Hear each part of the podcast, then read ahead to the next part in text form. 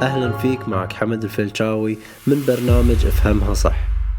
الكون تكون بطريقة عادلة ويعطي كل شخص حسب الطاقة اللي يبذلها وفي فرق كبير بين العدل والمساواة. مرات الله سبحانه يرزقك شيء مساوي لعملك ومرات تحصل على شيء ثاني لأن من العدالة أنك تحصل عليه.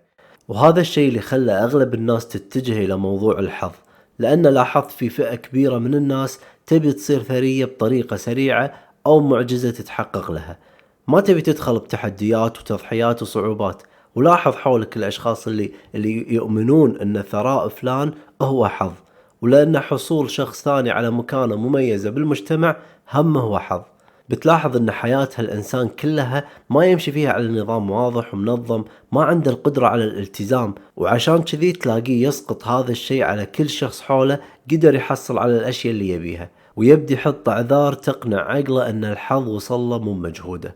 وعشان يرتاح وما يأنب نفسه على تقصيره مع نفسه. وهذا اللي يحصل مع أغلب الناس. لما تبدأ تسأله ليش للحين بهذه الظروف؟ يقول الحكومة ما تساعد أو ما حد من أهلي ثري. أو أنا عانيت وايد بحياتي مو مثل الغير. ويظل يحط أعذار وأعذار لين يحس إنه مر العمر وما حقق أي شيء لنفسه.